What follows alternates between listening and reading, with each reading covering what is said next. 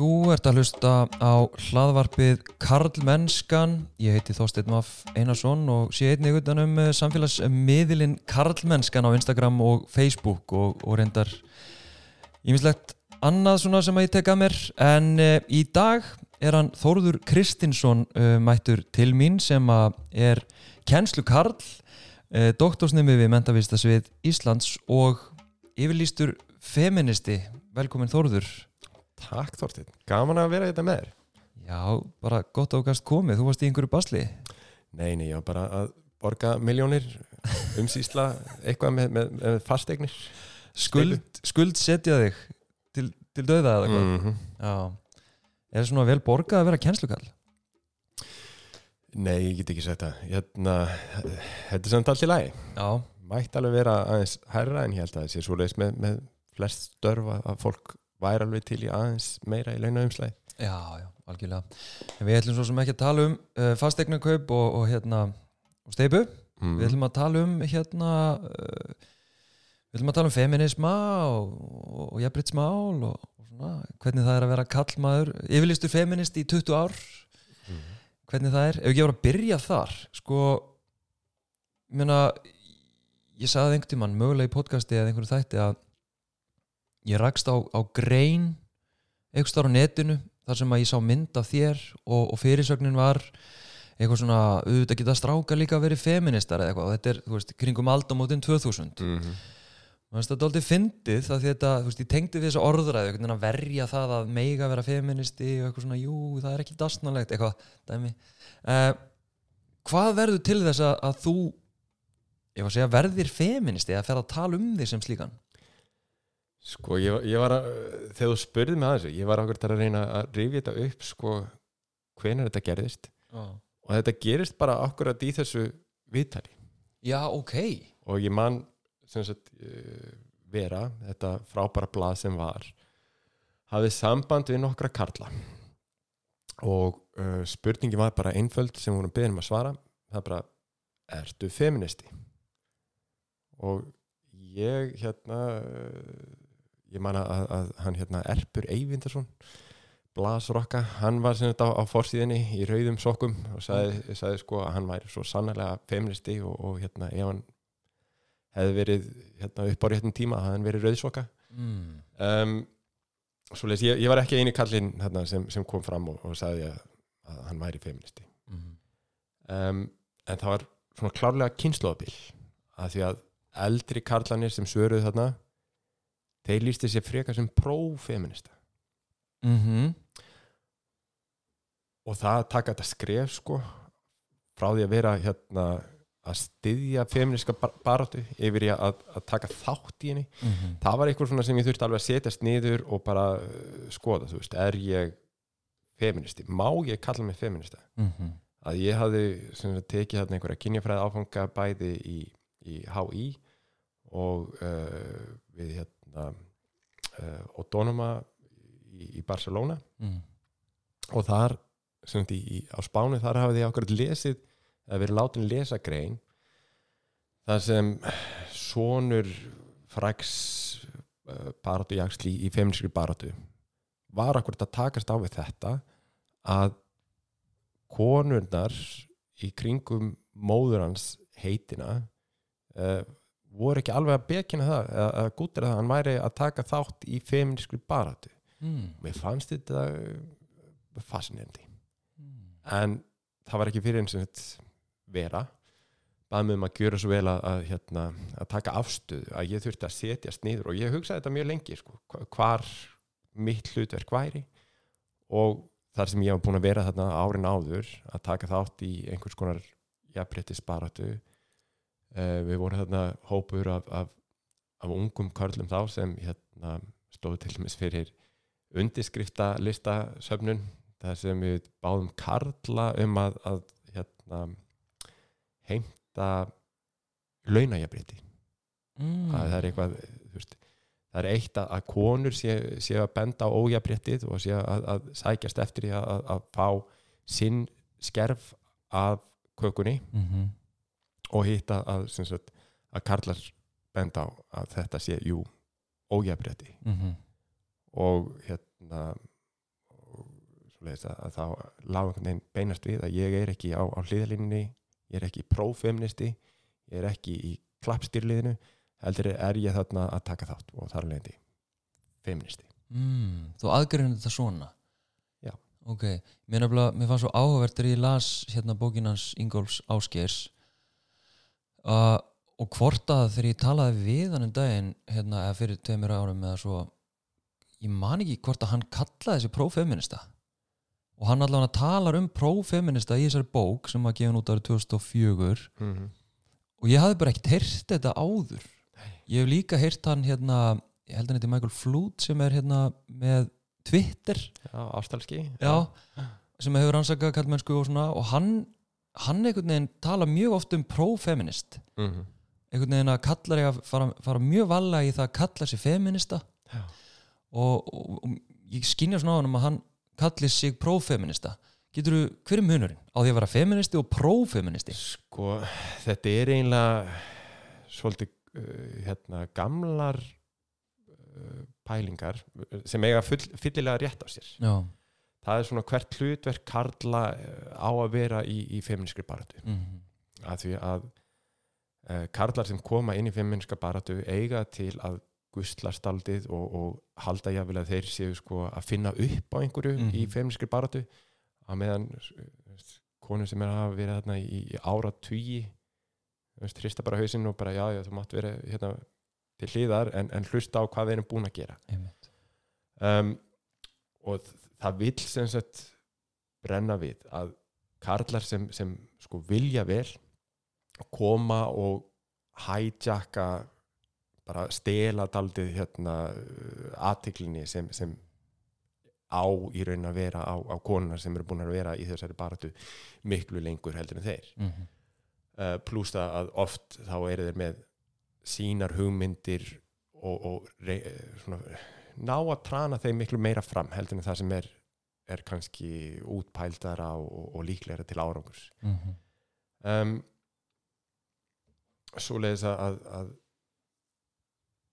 að sko prófeministinni sem hérna eru sem þessi kallar sem voru veist, á, á hlýðalínu og, og klöppuðu áfram og, og kvöttu voru mjög mikið að passa sko taka ekki ekki hérna kastljósið frá frá þessum konum sem voru í, í framlínusettinni sem er, Já. sem er veist, mjög góður og valið punktur Mhm. og akkur þetta að, að hérna í femskur hreyfingu eigi kannski konar vera í, í uh, svona forgrunni Mhm. en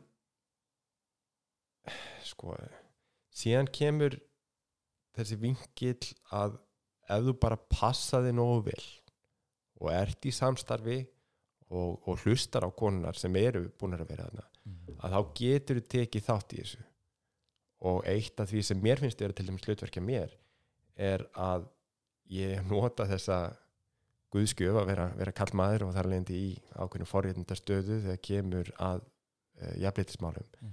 að varpa ljósi á misréttið þar sem það er og að svona hælæta konur í kringum mig sem ég veit að eru að gera frábæra Einmitt. þótt við gerum það ekki hér í þessu þessu hlaðvarpi, hérna Nei. er bara kallanir að spjalla. Ég eru kallarnir að spjalla. Um feminisma og þá einmitt kemur oft inn í umræðina uh, eins og komu upp já, eins og kemur gætnan upp sko þegar hérna kallar eru dóldi svona í, ábyrrandi í jafnbreytsmálum uh, eins og bara hefur beinst að mér til dæmis að, að svona já, ert þú rittarinn og hvíta hestinum? Ætla þú nú að fara að bjarga konunum? Mm, þú veist, þessi orðuræða uh, og þar að veist, og sem er algjörlega valit ef að ég eða þessi einstaklingur væri sko einhvern veginn svona kvennfrelsis hetja skilur við, Mm. já já konu, nú ætla ég að gera þetta fyrir ykkur. En hérna, þetta snýri mitt þetta er svo fíniseruð sko umræða. Maður þarf mitt að fínstilla sig og til að byrja með þú veist, þegar ég einhvern veginn svona vaknaði til lífsins um misréttið í okkar samfélagi og kallmennsku hugmyndir og eitthvað að þá byrja ég náttúrulega að reyna að finna bara röddina mína og hvað er ég að tala og hvað er ég að gera og, og gera alls konar þvælu. Veist, skrifaði umulega hérna, pisla og alls konar pælingar eitthvað svona, svona pínu svona rittarinn sko í kallmennsku minni. Mm, um, en síðan veist, þessi fókus á karla og karlmennsku það er náttúrulega, finnst mér vera uh, fókusin sem að allavega ég tek og hef tekið núna síðustu 2-3 ár markvist um, og þar alveg hendi finnst mér sko ég geta verið feminískur Mm. í feminískri baróttu án þess að vera að leiða einhverja kvennfrelsisbörðu af því að ég er að tala við kalla um kalla, um kallmennsku sem er náttúrulega nátengt síðan því misrétti sem við búum við Ja, allt tengt ég held að þetta sé ákvörð sko, okkar helsta framlag barhátumum fyrir réttlátara kynjakerfi sé að, að, að tala við kallana að, að þeir hlusta frekur á okkur heldur en, en konur sem er að benda á nákla sömu hluti. Já, já, já, einmitt.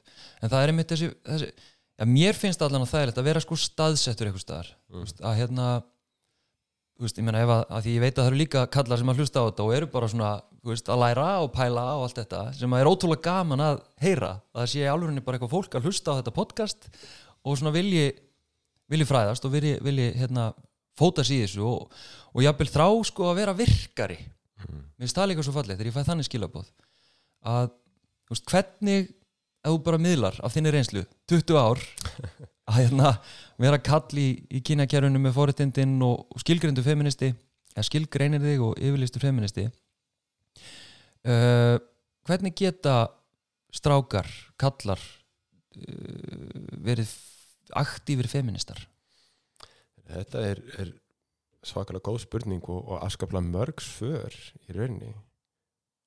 Fyrsta sem ég myndi mæla með er að, að, reyna að fræðast, hlusta, lesa, horfa. Um, en sem þetta á, á þessum kannski rúmi 20 árum sem ég hef verið í einhverjum aktivisma og, og hérna tekið þátt í þessu, þá held ég að skemmtilegasta sem ég hef tekið þátt í það er að búa til einhvern félagskap já, og búa til einhver, einhver svona projekt til þess að, að, hérna, að kýla á og, og, og vekja aðtekli á og, og, og finna fyrir bæði svona ég var að segja bræðralagi milli, milli hérna, kalkins feminista og, og, og annara feminista já. Já, og hérna leifa sér bara veist, auðvitað gerir maður einhver svona mistök. Það er ekkert allt, allt sem er, er frábært í ferlinu. Og hérna maður reynir allavega að, að gera ekki stór mistök og ekki mistök sem meiða. Nei, nei um, og sumt af því sem, sem hérna ég hef tekið þátt í hefur verið alveg bara frábært og gull og ég, ég vildi að, að, fleiri væri bara að endurtaka þetta í dag. Að það kemur síðan að, að svona tímapunkti þar sem sko fókusin sem þú ert með og orkan sem þú ert með að þú verður að- ákveða hvar þú ætlar að setja hana í, í hvað farveg já, einmitt um, En hvað er, erstu með einhver dæmi um verkefni sem þú væri til í endurtaka? sko við vorum hérna sko feministi félag Íslands var frábær uh, félagskapur mikið alveg ótrúlega frjóðu fólki sem var þar Mm. og við hópu kallar sem uh, höfum skipulagt þarna kallar gegn launamisrétti. Mm -hmm. við hendum okkur þar í hóp sem var kallaður karlahópur leys og átti aðalega að, að fókusur á málefni kalla og að tala til karla. Já, og uh, þarna voru líka konur með okkur og, og hérna og fleiri og við skipulögðum uh, svona s- samkomur á kvöldin þar sem við hittumst ég veit ekki hvort að þetta hafi verið á mánaða fresti eða eitthvað eða ég vil tekja mánaða fresti þetta var allavega ekkert of oft. Mm. og fengum karla aðla til þess að tala um svona málefni, jafnréttismálefni sem vörðu karla. Já, já, og hérna, ég heldum þetta bara hérna á, á, á krá í bænum. Já, og fengum alltaf einhvern, einhvern svona einhverja flotta konu til þess að stjórna. Ok. Til þess að þetta væri nú ekki bara kallar að, tala sína milli. Já, og við vonum til dæmis með hérna, fyrirmyndakvöld. Og í teinstum við það þá, þá gáum við út svona lítinn bækling þar sem við fengum Þorsteinn Jóð og Andrasnæ og einhverja fleiri til þess að, að skrifum sko, hverju væri fyrirmyndir þeirra í lífinu. Mm. og það var mjög áhært að, að, hlusta það og síðan komu þarna einhverjir eh, kallar um kvöldið og, og tölum sína fyrirmyndi sko og, og tengta það jafnrétti og, og hvað það er að vera karlmaður. Já, já, og þetta var fannst, mér finnst þetta mjög skemmtilega pælingar. Já. og við væri til í að heyra hvernig staðan væri í dag. Ég, ég, til dæmis að það komið mjög óvart sko, að ólíklegast að fólk kom með Jésu sem einhver svona fyrirmynd í sín lífi. Og það, ég hefði ekki giska á það svona fyrirfram sko. nei, en þú veist, að, aðrir þú veist, bent á, á, á að fyrirmyndinar þyrfti ekki nýtt enn til að vera kallar veist, eins og Vigdís Finnboa var hérna, sterk fyrirmynd og já, já, um, það var talveg skemmtilegt og ég var alveg til að garfa meiri í, í, í fyrirmyndunum. Uh, síðan hérna vorum við með uh, húmorkvöld og þetta var svona hvað má, hvað má ekki hvað var þar hérna húmor og, og kynin. Og fengum þar nokkra landsfræga hérna húmorista til þess að stíði stí pontu og ræða. Ok. Og ég held að svo umræð hafi til dæmis þróast alveg gríðalega mikið frá, frá þeim tímapunkti. Um, og ég man akkurat fyrir tveimur án síðan þá var hérna gríðalega skemmtileg uh, svona uppistands listasýning þar sem hérna var verið að, að fjalla um nöðkunabrandara mm. í uppistandi. Ok. Og mér fannst að, þetta verið eitthvað sem tengdist þarna á milli og ég sá þarna á þessum tíu árun sem það liði á milli hafði ótrúlega mikið gerst. Já, hvað má og hvað má ekki, hvað er línan? Já, um, síðan já síðan vorum við með, með föður hlutverkið mm.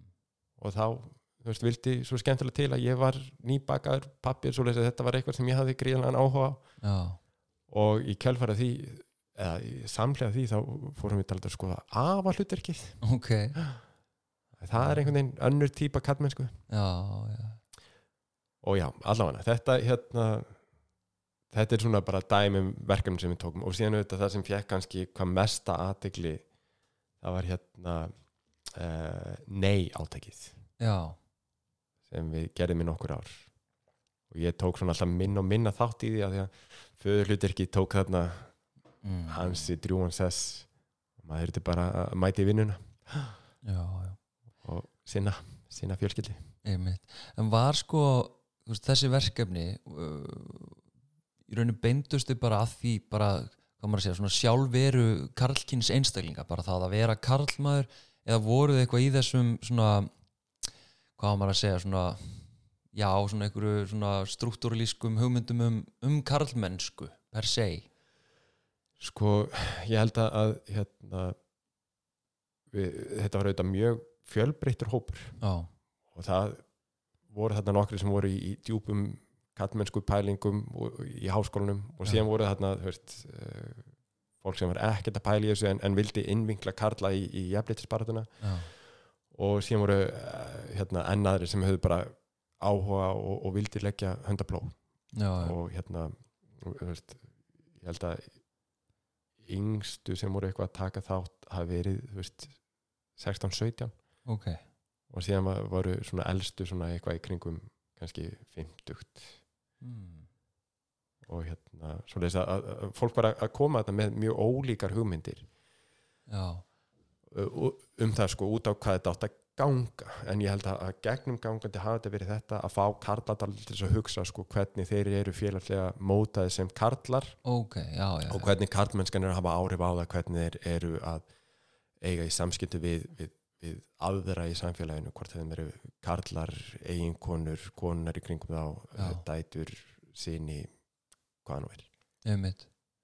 En hvernig sko ég meina við áttum nú samtalið fyrir cirka ári síðan ég, þú, Hjálmar og Arnar hérna, Mm. vorum svona veltaði fyrir okkur hvort að við vildum gera eitthvað í líkingu við þetta, búið til einhvern félagskap búið til einhvern aktivism og svona skipulegja einhvern, einhvern félagskap sem að síðan bara liður tíminn og COVID og alls konar eitthvað en hérna, það sem ég hugsa oft er sko, ok, ég ætla bara að spyrja í þessum verkefnum öllum og þeir að draga kalla og þeir eru svona það er eitthvað agenda í þessu. Mm. það er eitthvað agenda.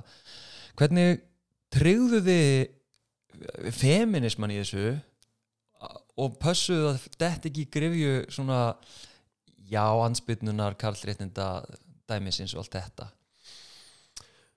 Já, sko það var kannski þetta að við pössuðum sko hvernig við lögum spurninguna fyrir þá sem tóku þátt. Já, já, og síðan vorum við með mjög flottar konur sem stjórnuðu þarna kvöldunum á, á, á, á þessum kvöldum og Já. pössuðu að, að sko umræðina færi ekki út í einhverja villeysu mm. en við höfðum alveg þarna einstaklingar sem, sem báðum orðið og komu kannski með vinkla sem vorum ekki neitt sérlega spennt fyrir en, en svona það var bara tæklað mjög hérna myndi ég segja umhyggju saman og smekklega mat ok, að ég, þú veist þessar pælingar að, að, að hérna að núna halli bara að kalla og hvern réttinda bara er bara búin að ganga of langt og eitthvað svona. Hún kemur frá stað þar sem sko þetta eru, þetta eru meirhlutin kallar sem hugsa svona og þetta er vegna þess að þeir eru í einhverju stöðu þar sem þeim finnst raunverulega sig, sko, verið að halla á sig. Já, já. Og veist, þetta eru hérna, oft ráar tilfinningar þeir eru að, að taka þátt í þessu og, bara þeir eru sárir. Og maður verður að, að gefa þessum röddum líka rými. Algjörlega, en, en síðan er þetta bara spurning hvort að, þessi hægt eiga samræður yfir höfuð við þá sem eru akkurat þarna. Já, já. Já, og mér finnst þetta mjög flóki ég meina hluti af hérna, mestarrannsóknir minni var að skoða viðþorf Karla til jafnbrytti sem að já, krítirinn eru ekki feministar eða höfðu verið mjög gaggrínir á sko, gaggrín á kallmennsku hugmyndir. Mm. og svona og það, mér fannst það mjög áhugavert að hérna að heyra þá í rauninni færa rauk fyrir því ég mitt þessu að, að jafnbryttsborða var í genginu langt að feministarnir væru of aukafullir og hvernig þeir formuðu skoðanir sínar. Og þetta er náttúrulega bara lítil rannsókn. En þá er mitt rýmar það algjörlega við þessa tilfinningu sem að maður hefur og, og þú ert að lýsa að, að það er, þetta er rátt þetta er óformað þetta, hérna, þessi viðþór sko og þessi upplifun og hún byggist einmitt á í raun og veru allavega það míniðist að á óígrunduðum uh, viðþórum og skoðunum gagvart þessum málefnum þeir höfðu til dæmis ekki drætt þetta við þeir bara höfðu ekki drætt þetta yfir höfuð Mm. Veist, sína skoðanir og upplifanir á, á jafnbrytti og, og feminisma og veist, að, það, já það kom það komið pínu samt á óvart að þetta, er, þetta var, voru mínar fór hugmyndir líka áðurinn fyrir þetta að þetta byggi á einhverju svona pínu miskilningi Þú veist, þetta er ekki alveg feministar hat ekki kalla. Veist, þetta. Alla, síðan er þetta sko. Veist, þú getur verið feministi en þú getur verið feministi á hundra mismunandi vegu. Já, já, reyndar og veist, ég held alveg að það séu til hérna, karlhatandi hérna, einstaklingar sem bara og kallir sér feminista en ég myndi aldrei veist, vilja flokka á með, með feministu nei, nei, nei. það, þá ertu komin bara í, í, í eitthvað allt annað. Já, já, svo er það náttúrulega líka. Þetta er aldrei svona einmitt, þetta er svona málað í rosa sterkum litum. Mm. ótrúlega polariserað bara svona í takti við kannski það sem er að gerast við erum alltaf að verða polariserað einhvern veginn með og móti. Það er ekki takt að vera eitthvað svona bæði með og móti. Já. það er mjög erfitt.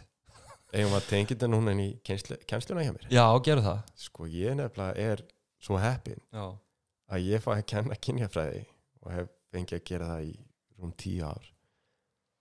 Og þar fæ ég bara mjög margar vikur til þess að ræða hlutina bara frekar yfirvegað. Já, og hérna og ég, ég vil meina ég sé orðin, orðin betur í þessu að, að, hérna, að leifa bara nefndum sem, sem eru bara með spurningar. Mm sem sko þeir hafa ekki þórað að opna á neinstar annar staðar. Ég man sko þegar ég byrjaði að, að, að hérna, kenna þetta fyrir tíu árum síðan þá er þetta sko ráðandi hugmyndir í samfélaginu. Það er bara hvað er að þessum hérna, feministum og feministir eru búin að ganga og langt og feministar hata kalla og eitthvað svona. En nú erum semst komin að stað.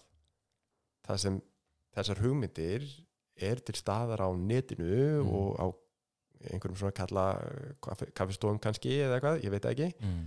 þú veist, í einhverjum svona afmörkum svæðum í samfélaginu. En þú veist, þú getur ekki sagt þetta uppátt í í hóp af fólki og búist við því að það andmælið er engin. Sem, sem var alveg staðan fyrir tíu ánum síðan. Í, í kennslunni? Í- já, bara samfélagin yfir höfuð. Í Já. kennslunni, já, já, það voru strákar sem hérna, og stelpur sem sögðu bara fullum fetum bara að, að þetta væri gengi allt og langt. Jafnrétti væri löngu náð uh, og þetta væri bara kall, hatandi hérna, lesbjur sem væri eitthvað að kalla eftir réttindum. Þess vegna kom yfir eitthvað mjög flatt svona að, að, að ég til dæmis kallaði mig feminista já, já, já. að virkar freka kattmannleg með við lesbíu ah, ok, allavega hérna, fyrir mikið ángætt um, allavega þá hérna og hvernig hefur þetta breyst? Ég meina að því þú er líst sko tíðarandunum þannig fyrir 20 árum. Veist, Mm. þá, var þetta bara, fólk bara var almennt kannski ekkert að kalla sig feminista svona mainstream. Mm, um, þú byrjar að kenna þetta fyrir 10 árum og þú lýsir því að, að þessi umræða og afstæðan kannski hafið dóldi svona mildast. Já, Hvað, ég meina, hver er breytingin á þessum 10 árum? Eins og bara inn í, inn í kennslu þegar þú ert að tala um kynjafræði og feminisma og jafnbreytismál og allt þetta ég, sko ég held að, svaklega mikið að því sé bara hreinlega umræðan í samfélaginu. Við erum bara komin miklu lengra í jafnréttismálum. Já. jáfnvel þótt að manni, manni líður stundum eins og, og það gerist ekki neitt. Mm -hmm. þetta er bara eins og að, hérna, þetta er eins og að eiga einhver svona jarðsögulegum skilningi tíman sko. Þetta, þetta gerist mjög hægt. Já, en þú veist, þú þarft ekki annað heldur en að líta aftur um tíu ár og sjá akkurat hvernig tíðrandin hefur breyst. Til dæmis þetta að, að að fá líka bekinningu utanfrá. Það hefur dálítið breytt viðhorf okkar. Hvað áttu við? um, þú veist þetta er eins og Vigdís Finnbóa Mm -hmm. hvað sinn fyrsti líðræðislega kjörin fórseti bara í heimi. Mm það voru mjög fáir hérna á Íslandi sem, sem voru að kjósana með það í huga mm. en um leið og við fáum alltaf þessa aðteglu utanfrá bara, já, svakalega er Íslandi eitthvað progressiv Já. framúrstefnileg hérna, jafnréttis hugsun hérna baki Já, já, ég held að það hafi mjög lítið haft með eitt eða neitt að gera að, að hún hafi fengið þetta embætti sko. mm. en eftir á þá erum við bara mjög stolt að því hvað við erum já. eftir á hugsun sko. um, sama þú veist, hefur verið með sko, fyrsta fyrstu hérna, kona sem er lesbísk hérna, já. svakalega erum við progressiv ég held að enginn hafi verið að pæla í þessu á þessum tíma Nei, nei, nei. þetta er svona eftir á hugsun sko. Og akkurat eftir að, einhverjir utanákomandi, einhverjir erlendir fjölmiðla byrja að, að henda uppi á fórsýðum blana sjáu hvað Ísland er fram úr skarandi hérna í jafnleitismálu einmitt. og að lenda á þessum listum sem já, það er komin nokkri jafnleitislistar Mm. eins og þessi frá hérna, World Economic Forum þar sem hérna, við lendum bara aftur og aftur og bara tíu ári röð í fyrsta sæti. Það, það, Einmitt. þessu já við erum ótrúlega góði jafnleiti mm -hmm. ég vil þótt að við hefum afskaplega langt í land á sömu sviðum. Já, já. Og, eh, veist, og það, það, það breytir viðhórum í margra þetta er eitthvað jákvætt þetta er eitthvað sem við erum að standa okkur í og getum unnið í. Um, veist, allir flokkar á þingi nema kannski einn uh, sem ég ætla ekki að nefna er, er hérna er bara fylgjandi jafnrétti kynjana og, og sér alveg að, að veist, við erum búin að vera á einhverju braut sem er að skilja okkur í einhverju. Mm. við eigum endur að halda áfram að þessari braut. Það hefur breyst. Já en, en fæðir þetta samt ekki líka sko þá ansbytnu ég meina við erum búin að mælast efst á sem lista og hérna, við erum rosa hérna, framsækin í jafnbryttsmálum og ég meina, er þetta ekki akkurat fæða fyrir ansbytnuna fyrir þess að upplifuna jafnbrytti hafi verið náð og við erum allar frekar aðgeri til þess að, að bæta hérna, stöðu já, hvenna, jáðasettra og, og kalla eru tilgangslausar og bara óþarfar? Þetta, þetta er bara komið. Þetta er komið. Já, sko, það, það, sko mér hefur þótt fréttaflutningurinn að þessu vera miskóður mm. af því að það er alveg bent á sko að jafnvel ótt að fyrir sem í fyrsta sæti þá vantar okkur einhver 200 stig þannig að til þess að ná fullkomnu kynja jafnrétti en að sama skapi sko þegar maður skoðar mælitæki meira þá tekur maður eftir því að er það er meingallart já, já, og, og það er kannski líka verðt að, að benda á að, að til dæmis þetta frá alþjóða hérna, Economic Forum þarna mm. um, að það tekur til fjögra þátta það tekur ekkit fyrir kynfyrirsópeldi eða, eh, hérna, eða þriðju vaktina þú veist, ekki, Mhm. ekki neitt heimilistörf eða, eða, eða ekki eins og sko uh, svona lárétt kynskipta minnimarka það er að Mhm. þú veist, Ísland er eitt af þeim löndum í heiminum sem er með fáránlega kynniðustu starfstjættinar já, það hjúgrunafræðingar tæplega 2% nei, hvað í kringum 2% hérna, hjúgrunarfræðing á Íslandi eru, eru karlar mm. þú sérð ekki svona tölur þú sérð ekki einstafa prósendutölu í neinum löndum sem við, við, við höfum verið að, að bera okkur saman við. Já, og ekki einu sem við lönd sem við höfum aldrei verið að okkur, bera okkur saman við. Við erum fáránlega sko föst í einhverjum hugmyndum um kyn hlutverkin jáfnvel þótt að við gefum okkur út fyrir að vera ótrúlega hérna, progressiv ok. Sérstaklega það kemur að körlum. Mm. karlar virðast vera miklu fastari í boksum heldur en konur á Íslandi, á Íslandi. Það er mjög áhugavert. Já, veist, og það er kannski ákveð þetta. Jafnbrytisbaratan hefur verið mjög fókusur á það að konur geti gert allt eins og karlar. Mm. og það er ákveð sko, skref upp á við að við höfum þennan tendens að líta alltaf á það sem er, er tengt konum og kænlegt sem eitthvað svona annars flokks Mm. svo þess að skref upp á við fyrir konur að gera eitthvað sem við höfum klassíst, svona, hefbundið litið á sem eitthvað svona karlmannlegt Mm. karla Mm.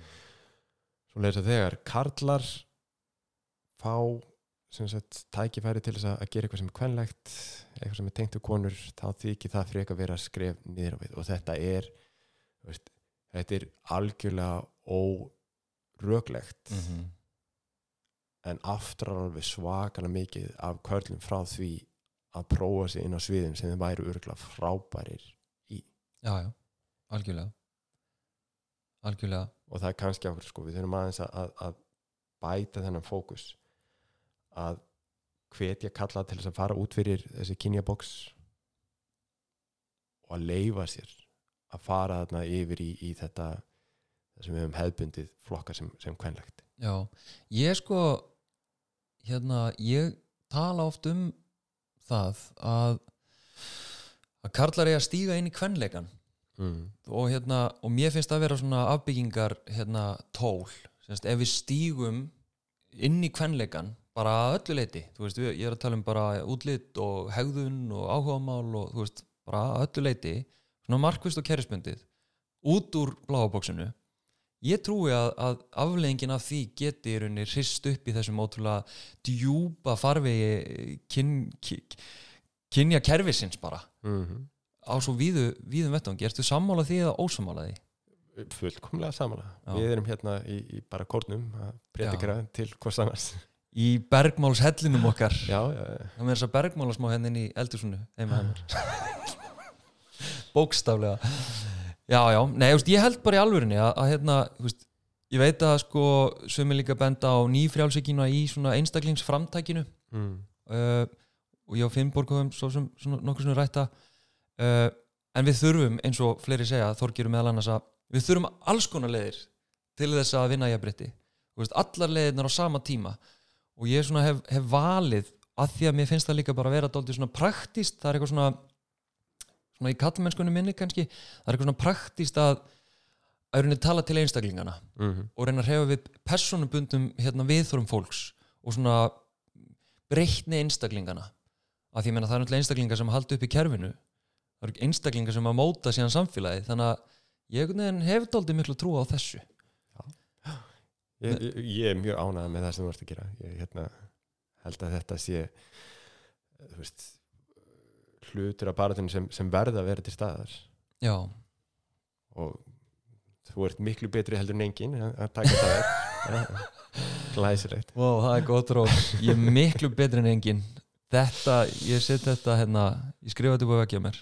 Ekki? peppa mig í gang á mótana en mér langar aðeins að halda áfram með sko árangur í jafnbreytsmálum og, og hérna á Íslandi og, og svona áhrif þess að því að ég náttúrulega er með þennan miðil um, og, og sérstaklega þegar ég stíg inn á svona, hvað ég segja, inn á svið sem eru riski, þú veist, þegar ég kem bara með já, það sem að telst vera rótæk gaggrína á kynjakerfi eða, eða karlægni samfélagsins að þá kannski eðlilega fæ ég mikið að skilabóðum og kommentum og drulli, oft ekkit mjög málefnalegt en það sem að ég hef staldra mikið við og við kannski getum aðeins farið inn í það núna tengist líka skólakerfinu er ég fengið ég ætla að segja tugi skilabóða frá fóreldrafélögum, stjórnundum í grunnskólum og, og já, fólki sem er rauninni með, með börn í grunnskólum Mhm. með bara svona, þú veist, það er bara húsið brennur það svo mikið karlremba hérna Mhm. og ég verið mjög hugsi yfir því bara á síðustu mánuðum hvers vegna ég er að fá þessi skilabóð núna um karlrembu þar að segja að það sem að kennarar skólastjórnundur og foreldrar er að hafa ágjur af hérna, talsmáta drengjana eh, viðþorum drengjana hegðum drengjana sem að bytni harkala á stúlkum. Hvað er að gerast? Heyriði, hérna það er vonað og spyrjir. Um, ok, ég held að, að stæsta breytingin sé netið. Og samfélagsmiðlar. Ég hérna mér langar samt ekki til þess að vera með eitthvað svona dómdags hljóm hérna í, í, í málu mínu en um, það, það er svo stutt síðan að við sem samfélag höfum í rauninni bara örfá að miðla til þess að einhvern veginn að, að móta skoðan okkar út frá. Og núna erum við sko með hérna bara algoritma netsins sem er sér hannaðir fyrir hvern og einn. Já, og defaultið er bara öfgafullar skoðanir mm. þegar þú ert að, taka þín fyrstu skref á samfélagsmiðlum þá máta þér fyrst efni sem eru sko sikkvorir öfganir. Já, já. Og síðan ferða eftir hvað þú, hvað þú staldrar lengur við hvað þú færði í newsfeedið þitt eða suggested hjá YouTube eða hvað nú er. Já, já, og hérna nú vil svo skemmtilega til að ég er að, gera doktorsverkunum mitt á samfélagsmiðlum ok. og samfélagsmiðla nótkun unglinga. Ah, uh, 13, 14, 15 ah, og Góð brú já. En hérna þar til dæmis kemur mjög stert í ljós og við, við hefum líka sagt, við, það er ekki bara ég sem er að rannsaka mm. samfélagsmiðlanótkun á Íslandi heldur, heldur til dæmis hérna, rannsóknar greiningu utanum uh, svona tölfræði mm -hmm. og bæði viðtunum hjá mér og í tölfræðinu sem við eigum þá er mjög, mjög sko skýrt að strákur og stelpur að nota samfélagsmiðla á mjög ólíka máta mm. um, og strákurinn er til dæmis miklu meira á YouTube heldur en stelpunar mm. sömulegis þá eru strákurinn líka miklu miklu meira að spila tölvuleiki online heldur en, en stelpunar Ok. Og við hugsum sko oft ekki um tölvuleiki sem samfélagsmiðla. Mm.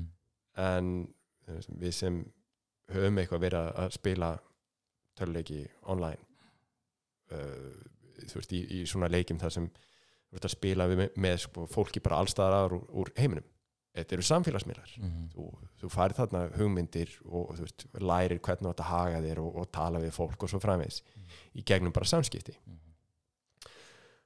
og því miður þá er bara stór hluti af, af samfélagsmiðla neyslu stráka að henni er beint í þess að átt að fá til sín mjög ef maður að segja karlrembulegan Já, já og þessi, og þessi kultúr virðist vera hérna hvað ég segja, svona hvern fjandsamlegur mm, allan að með af lýsingar sem ég hef heyrt tók viðtal við hérna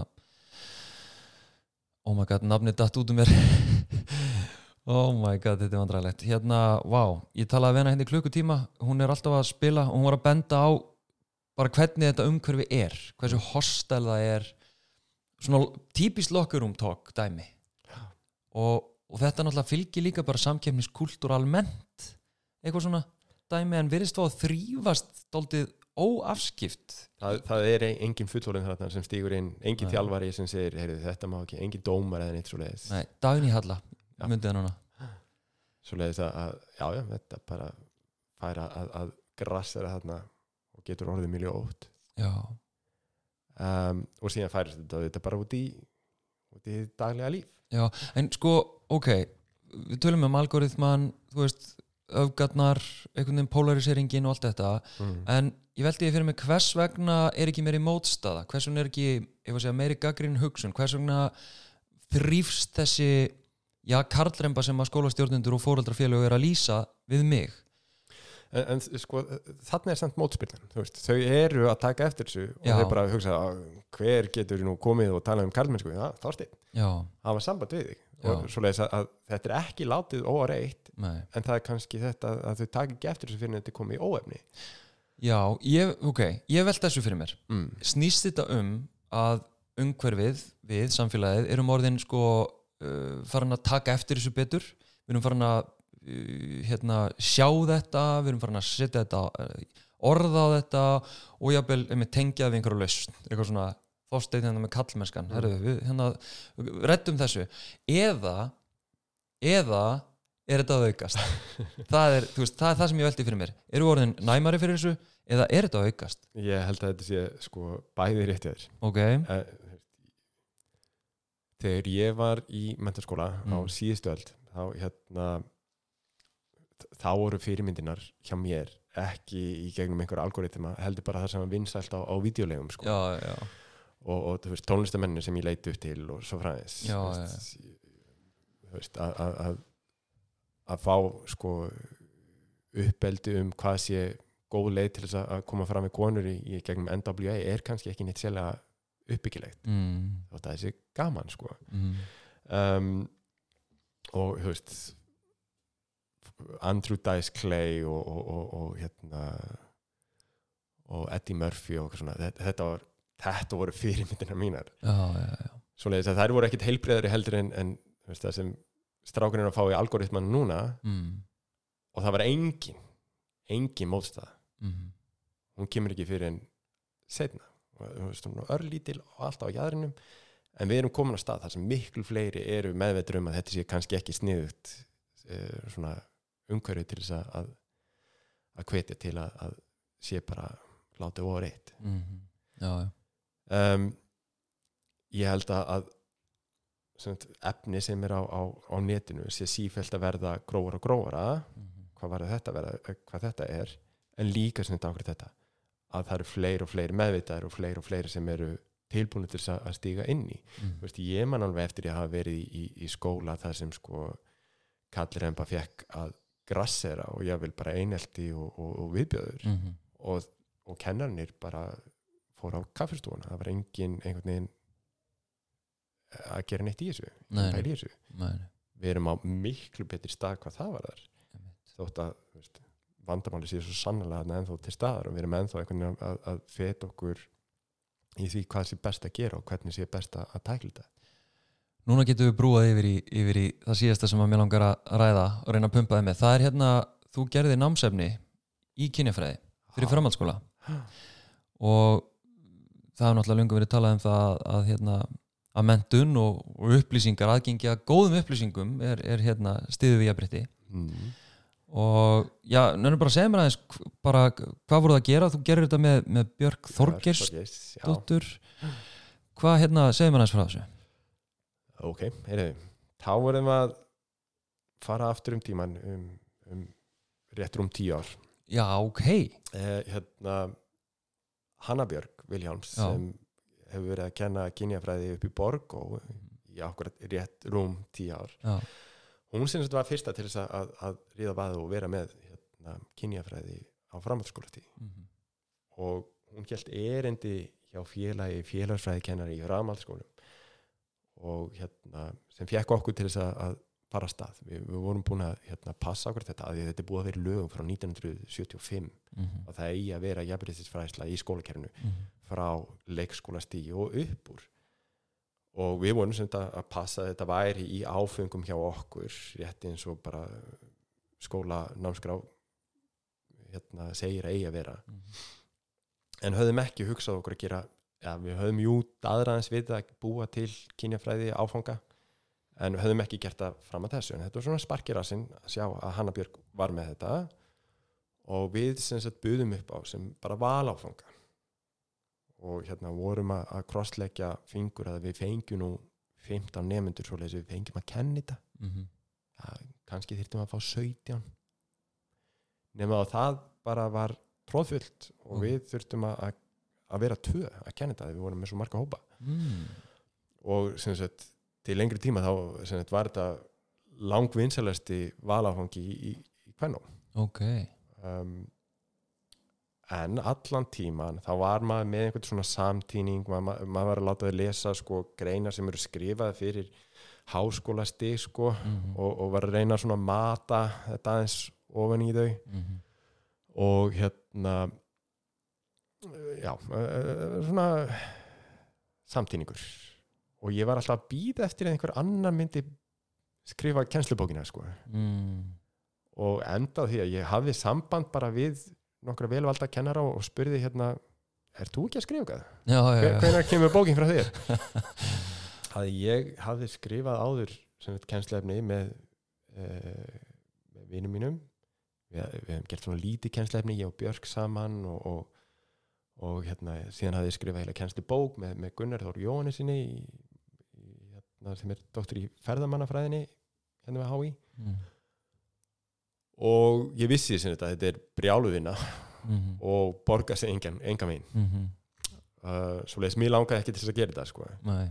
en með því að plata samstafskona mína Björk þarna, til þess að og ég seldi henni þessa hugmynd með því að við værim bara að taka sko, efni sem við værim búin að vera að vinna og færa þau yfir í bókarform Mm. þá samþyktum við það ok síðan var þetta aðeins meiri vinni það mm. um, en, hérna, en þetta, þetta er líka svo spennandi að því að, að sem sagt, forlagi sem gefur þetta út Mm. vildi prófa að setja þetta sem rafbók Mhm. og við vorum ákvörð að leita þeirri laust sko, af því að á hverju einasta ári höfum við þurft að, að uppfæra og breyta og, og, og orðfærið frá því bara fyrir nokkur árum síðan Einmitt. hefur svo gjör breyst í. Þú veist, eh, öll hinsegin umræðin Mhm. hefur gjör breyst við erum að, að, að fá alveg gríðalega flottar sko rannsóknir á hins einn hérna, málefnum sem hafa bara algjörlega breytt allir í nálgun þar Mhm. það er eitthvað sem sko það væri mjög, mjög hérna, leiðilegt að gefa þetta út útprenta já, já, og þetta er allt úrelt Einmitt. bara eftir nokkur nákvæmlega. En með því að hafa þetta rafrænt þá hérna, sjáum við fram á að geta uppfært þetta allavega einu svona ári. Einmitt. og þá getum við líka þú veist vísað í, í, í uppfæra tölfræði að það er verið að taka púlsinn á, á svo mörgu. En hvernig er, þú veist meina þið þurfa að hugsa, ok reynda náttúrulega búið að þessar reynsla að hafa kent þetta svo lengi. En hvernig er svona uppbyggingin? Þetta er vantilega grunnur. Já, þannig að hvernig svona byggiði þetta upp? Gróðum dráttum og, og síðan er þetta þetta að, að kynjafræðin er, er kent á svo mismunandi máta í, í, í skólum. Já, uh, seinast þegar ég tjekkaði þá hérna vorum við, þú veist, við erum með hvað, 31 framhaldsskóla á landinu og 20 af þeim 21 minni mig er að kenna kynjafræði. Ok. Það er sem bara flottu fjöldi og ég held jafnvel að það sé eitthvað búið að bætast við. Mm. um, en þeir eru að kenna þetta allt frá því að vera sko fyrsta árs yngangs áfangi og þá verður allt að vera mjög, mjög sko, einfalt og skýrt. Mm yfir í að kenna þetta á þriða þrepi þar sem veist, það er verið að, að gæla við þessar kenningar sem erum að kenna upp í háskóla. Uh, án þess að fara kannski í jafn, sko, djúb, djúpar pælingar og, og, og er síðan gert þar. Mm. um, og við sem þurftum að, að, passa að bókin gæti verið kent fyrir öll þessi fyrir alla þessar mismyndi leiðir. Já, já, ok. Svo leiðis að, að, við erum jú með veist, basic basic og síðan yfir í frekar djúpar pælingar. Ok, og við svona röðum sér þannig upp að uh, kennar geta daldið svona ákveð bara hérna, þið, þið lesið þennan kapla en ekki þennan. Já, já. og með tíð og tíma þá geta kennarnir ég vil bara láta algjörlega loka fyrir það sem þið vilja ekki nota. Mm, ok, uh, þetta er eitt af því sem, sem er hérna, svo fallegt við, við þessar rafbækur. Mm, um, síðan sem við erum með svona uh, bara ingangskabla sem er bara að taka fyrir þessar basic hugmyndir um kynin mm, og, og kyngerfi, kynja tvíhyggju uh, gagkin eða forræði uh, útskýra hugtök sem þau kannski uh, taka eftir í, í veist, hver er munurinn á, á, á launumur kynjana og, og leiðréttum launumur kynjana? Uh, hvers vegna vilja sumir fá kynjakvota uh, hvað er jákvæð mismunun? Mm, hvað er munurinn á jákvæðri mismunun og, og, og sértækum aðgerðum. Mm, um, uh, og síðan erum við mikið að tengja þetta við sem sagt framhaldsskóla. Já, þeirra sem sagt umhverfi. Og reynum að hafa þetta einst nálægt þeirra svona raunveruleik og hægt er. Um, og sem betur verið þá hafa verið gerðar nokkuð margar rannsóknir sem tengjast kynjafræði og framhaldsskólan uh, svo leiðis að, að það er svona auðvelt að, að finna tengingu á, á flestum stöðum. Já, já, um, síðan erum við með uh, svona söguna og að því að sko kynjafræðin er svo nátengt jafnbreytisbaratu kynjana í gegnum söguna og verð Mhm. til sem sagt í rauninu út frá feministkri baratu að við þurfum að, að útskýra veist hvað, hvað eru þessar hérna, hvað voru þessar konur að pæla hérna í kringum 1850 mm, og hvað voru þær að berjast fyrir? Og hvers vegna var það ekki nóg, hvers vegna var jafnrétt ekki komið hérna 1915 þegar konum fengu kostningrétt, mm, hvað fannst þið manta upp á? Hvernig þróast þetta í gegnum það sem er kallað þetta bylgju feminismans mm, svo sem við förum í gegnum þessa fyrstu, öðru, þriðju og síðan fjóruðu sem er í, í gangi í dag. Mm, síðan erum við með karl, uh, karlmennskur. Mm, bara sérkabla að því að, að karlafræðin sem fag verður til sem sagt, út frá því sem var þá kvennafræðin mm, sem verður síðan kynjafræðin. Svo leiðis að þótt að kynjafræðin sé hérna, þótt að karlafræðin tilir í svo sannlega kynjafræðinni þá er hún svona aðeins á, á skjön og þarf að fá svona taldi góðan hlut um, í bókinni. Og þetta er yfirleitt þetta er svo skondi sko að að þarna uh, er margir nefndir sem, sem virðast í fyrsta skipti sjá sko hver er vandinn. Mm, já, já, konur er alltaf að byggja um jafnrétti og konur er alltaf í einhverjum jafnréttisbaratu og sem bara, já, en það hallar líka að kalla á okkur stöðum og, mm, og veist, það, það er ekki allt honky dory þótt að, að, að hérna kallar séu svona sigurvegarnir innan gæðsaleppa í, í kynjakerfinu að það er svo margt annað sem, sem skemmir fyrir þá í lífinu út af kynjakerfinu mm, og síðan erum við með sem sagt queer studies svona introduction kabla mm, og uh, það er fáránlegt að bera saman hvar krakkanir eru núna með hvernig voru fyrir fimm árum. Mm, ég man þegar hérna, ég var að kenna þetta efni fyrir fimm árum síðan og ég var að tala um intersex og það voru bara margir nemyndur sem trúði ekki að þetta væri til. Já, og nú höfum við veist, Intersex Ísland sem er hluti bara af samtökum 78 mm, við erum nafngreinda manneskir sem erum bara hérna, þe- þetta er við og við erum í á til. Já, að, að, nú er þessi vitund alveg til staðir meðal nefndóksins og tala, tala ekki um sko, uh, allt við og gækvar transfólki einmitt, gjör breyst á þessum árum. Um, síðan, já og, og við svona tengjum síðan hins einn fræðin við uh, kynja uh, kynjafræðina og hvernig þetta tengja síðan inn í jafnleitisbaratuna einmitt, um, síðan erum við með sérkabla um fjölmila mm, að því að það er það sem við lifum og hærumst í. Mhm, og þarna er hefur okkur hlutur samfélagsmiðluna alltaf voru stærri og stærri af því að það er þeirra veruleiki mhm. um, og síðan erum við með hérna uh, kabla um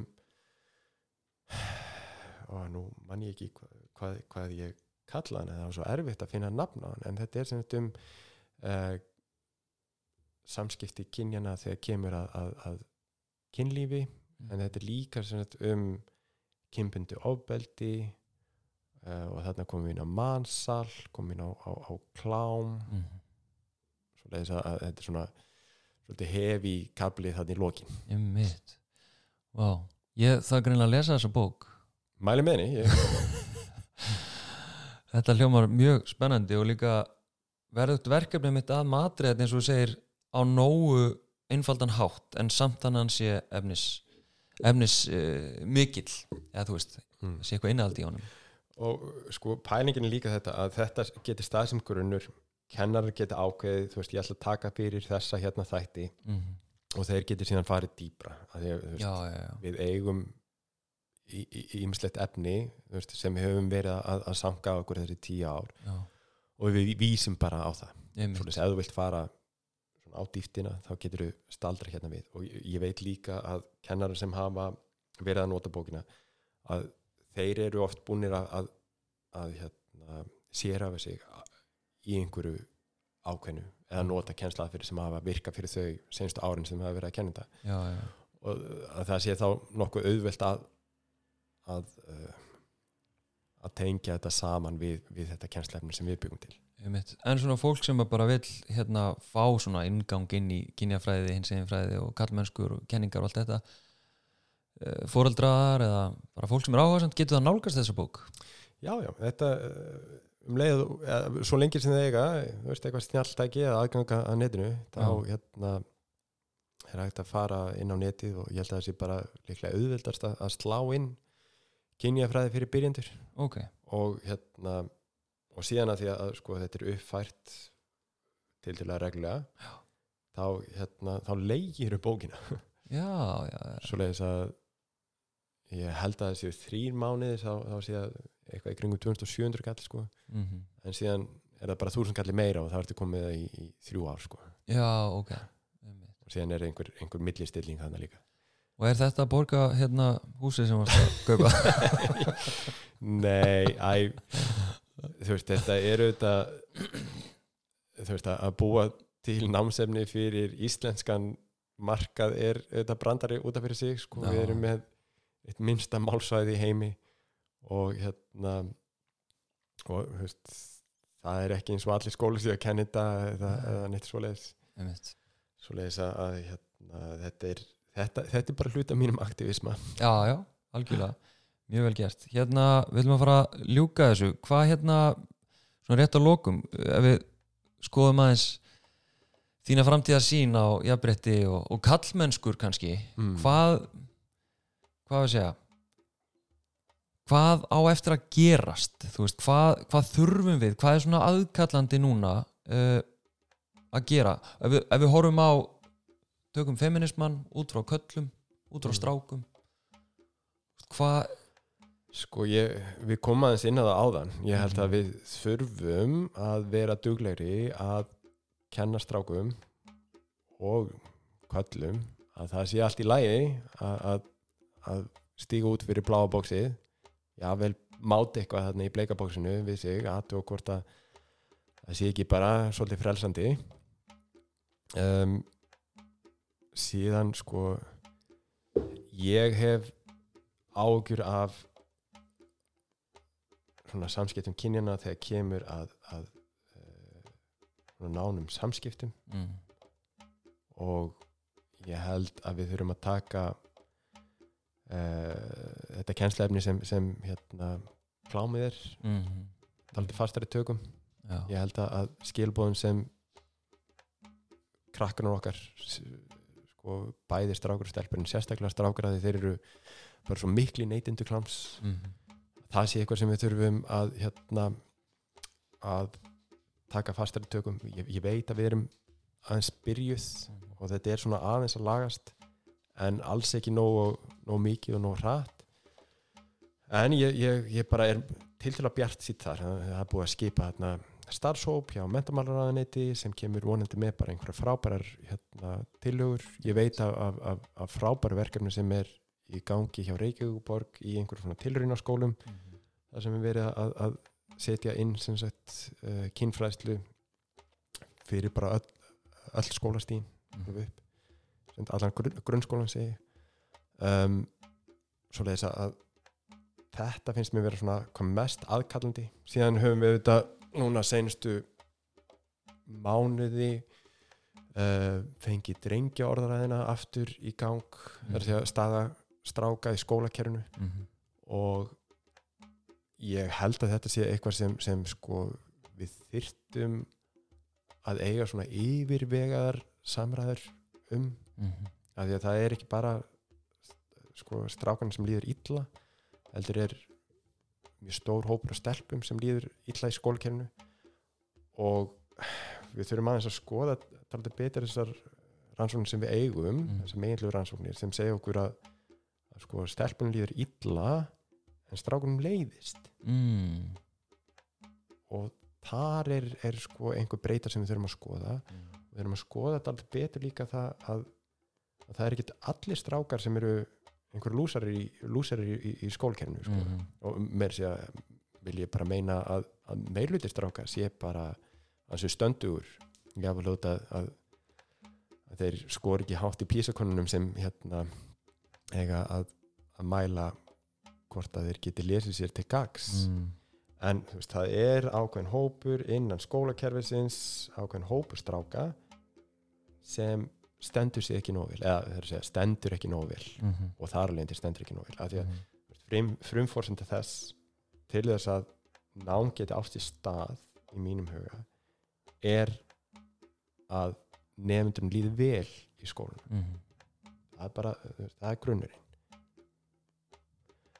og við þurfum taldi að, að nálgast okkur þennan hóp stráka sem uh, stendur höllum fóti, fæti segi. Við höfum svona rannsóknir í öðrum OECD-löndum Mhm. sem segjur okkur hvaða, hvaða strákur þetta eru en við höfum ekki, ekki kortlagt þetta hérna á Íslandi Mhm. en veist, við gætum alveg tekið þessa niðurstu frá OECD-löndunum og, og, og yfirfært á Ísland og, og bara giska á að þetta sé eins hér eins og þar þótt að- að byrtingamindir sé kannski augafyllri hér heldur en þar Mhm. um, svo lesa já ég, þetta er svona það sem hvílir hvað þingst á mér þessa dagana Mhm. uh, hvað var þar stráka og jafnréttismáli Einmitt. Ég held að við bara látum þetta vera að loka orðin takk fyrir þetta Þorsteinn. takk fyrir að bjóða mér bara takk fyrir að koma og ansið upplýsandi gott spjall bara þetta var gott kaffi Já, var það ekki? Jó, frábært Takk fyrir það Þorður Kristinsson uh, kennslukall doktorsnemi við mentavistasvið Íslands og feministi. Takk fyrir spjallið